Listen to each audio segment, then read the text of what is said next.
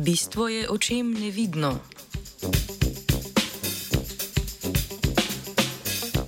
Spreminjanje barve, posnemanje vzorcev, koža brez pigmenta.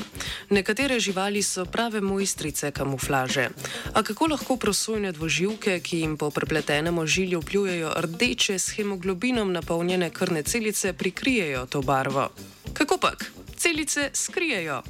Skupina ameriških znanstvenic in znanstvenikov je v nedavni študiji poročala o mehanizmu, ki ga vrsta tropske žabe, imenovana steklena žaba, uporablja za doseganje svoje prosojnosti. Prosojnost, ki temelji na zmanjšanju razpršitev in absorpcije svetlobe, je kot posledica drugačnega obnašanja svetlobe v vodi pogosta prilagoditev pri morskih organizmih. Na kopnem je ta prilagoditev, ki omogoča živalim skrivanje pred plenilci in drugimi nevarnostmi v okolju, redkejša. Nekateri organizmi, naprimer jajčeca jegulje in nekatere vrste rib, prosojnost poleg nepigmentirane kože dosežejo še z neobarvano krvjo. Pri steklenih žabah, ki imajo krvni obtok poln rdeče krvi, pa je doseganje prosojnosti pravi izziv.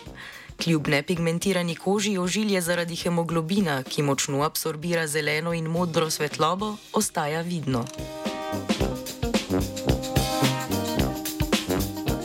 Čeprav je barva večjega dela telesa steklenih žab svetlo-zelena, je trebušna koža nekaterih članov te družine prosojna, po čemer je steklena žaba dobila svoje ime. Raziskovalke in raziskovalce je tako najprej zanimalo, ali se stopnja prosojnosti razlikuje med fiziološkimi stanji. Enajstim žabam so spektrofotometrično izmerili prepustnost svetlobe, medtem ko so spale v stanju budnosti in gibanja ter po anesteziji. Ugotovili so, da med spanjem steklene žabe prepuščajo največ svetlobe, v povprečju od 34 do 61 odstotkov več kot v vseh drugih stanjih.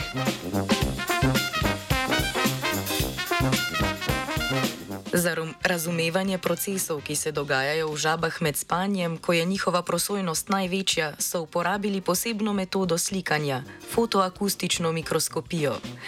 Pri tej tehniki so del absorbirane energije pretvoril v ultrazvočne valove, njihovo akustično merjenje pa ustvari globje slike kot pri klasičnih optičnih metodah. To je uporabno pri slikanju neprozornih organov, kot so denimo srce in jedra. 12 žab so slikali med gibanjem in med spanjem ter ugotovili, da se, da se med mirovanjem krvne celice zbirajo v jedrih, med premikanjem pa odtekajo nazaj v ožilje. Signal rdečih krvnih celic se je v jedrih po premikanju v povprečju zmanjšal za 83 odstotkov in ob spanju ponovno povečal na podobno raven, kar so potrdili tudi s histološkim pregledom jeter.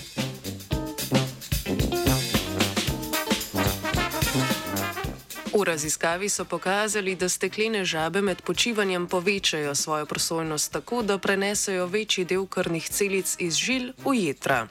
Razumevanje mehanizma, s katerim steklene žabe dosegajo prosojnost, je po mnenju znanstvene skupine pomembno tudi z vidika razumevanja srčno-žilnih dogodkov, ki so zelo pogosti pri ljudeh.